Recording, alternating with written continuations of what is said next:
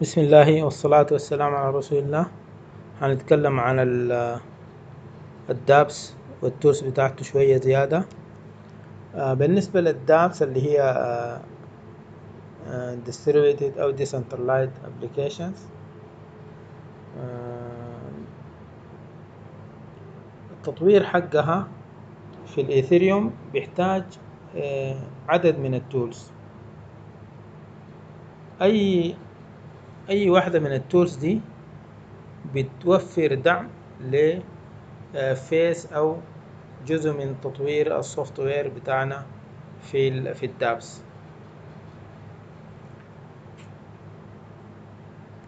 آه، ال tools اللي نحنا ممكن آه، نستخدمها عندما نجي نطور dApps آه، ممكن تكون ال blockchain client ال development and testing blockchain ال compiler and testing framework وال source code editor اللي هي integrated development environment بالنسبة لل blockchain client لما تجي تطور Ethereum dApps محتاج إنك يكون عندك local EVM Ethereum virtual machine محلية في الجهاز.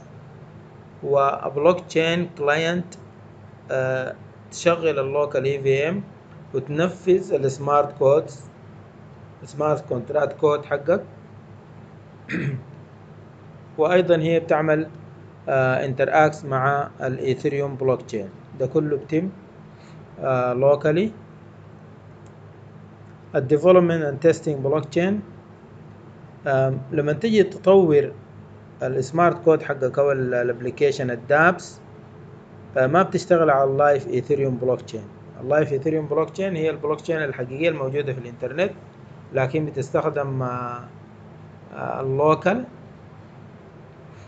local Ethereum blockchain لأنه ال live دي بتكون آخر مرحلة بعد ما أنت نفذت طبقت البرنامج وكتبت الكود وعملت testing كثير جدا على ال على ال simulated blockchain بعد ذاك تنتقل أو تعمل deploy على ال live blockchain في آخر مرحلة في ال development process قبل ما تعمل أو تنتقل إلى ال live blockchain محتاج تعمل interact with a local version of Ethereum blockchain. يعني يكون عندك local version من ال Ethereum blockchain تعمل interact معاها تجرب عليها وتتأكد من إنه شغلك صحيح مية المية قبل ما تنتقل لل live blockchain لأنه ال live blockchain ال access عليها مكلف بكلفك ايثر لازم تدفع Ethers مقابل تنفيذ والاستخدام ال live blockchain لذلك لازم تتأكد انه شغلك كله يكون صحيح وتعمل testing في ال local blockchain قبل ما تدخل على ال live وبكده تكون وفرت كثير من التكلفة أو ال errors اللي بتحصل في ال live blockchain وبتكلفك مبالغ من الإيثر. ال compiler وال testing framework أنت بكون عندك live عندك local Ethereum environment EVM Ethereum virtual machine وعندك بلوك تشين تشتغل عليهم. برضو بتكون عايز تعمل interact with your smart contract code and place it in your test blockchain for test execution. يعني عندك ال EVM locally موجودة وال blockchain locally لذلك انت لما تيجي تكتب ال smart code contract smart contract code برضو عايز تعمل له تضعه في ال local blockchain وتعمل عليه testing locally عشان تتأكد إنه شغال كويس. فبتم ال development وال testing framework ال tools اللي بتستخدمها دي بتوفر أو بتوفر لك tools تحتاج تستخدم تستخدمها للتطوير وال testing للمهام حقتها كلها. locally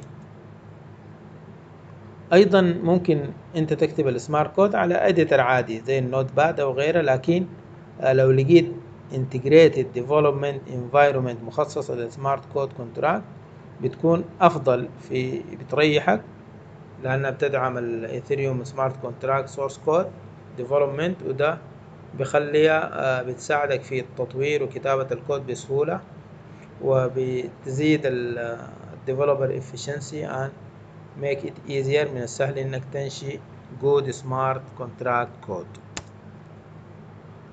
نجي نشوف الفرق. الآن نحن معظم الناس شغالين على ال traditional applications لما تيجي تشتغل على ال DApps ال blockchain applications شنو الفرق؟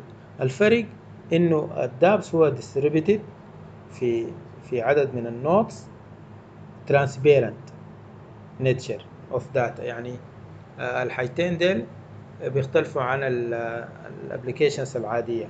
أيضا الحاجة الثالثة ال cost بـ cost money ال blockchain ثلاثة حاجات distributed transparent و cost money يكلفك مال. distributed and transparent data means that ال data حقتك زي ما قلنا إنه البلوك تشين آه، حق الإيثيريوم بيكون insert فيه ال code وال data. وحيكون في نسخة من ال من البلوك تشين دي موجودة في كل ال nodes المشاركة في آه، البلوك تشين يبقى كونه transparent إنه أي شخص عنده نسخة من البلوك تشين في جهازه هو miner أو عضو في ال في البلوك تشين حقتك لأنها public فيقدر يشوف كل ال code وال data بتاعتك. دي كونها transparent. وكونها distributed موجود منها نسخ في كل الأجهزة الأعضاء. ممكن تكون خمسة ألف جهاز عشر ألف جهاز. كلها فيها نسخ من ال من البلوك تشين نفسها. وبالتالي ال data وال code حقك موجود في خمسة ألف كمبيوتر يقدروا يشوفوا ال data حقتك ويشوفوا الحاجات دي. لذلك anything you write أي حاجة بتكتبها في البلوك تشين بتكون visible لل users on any node في أي node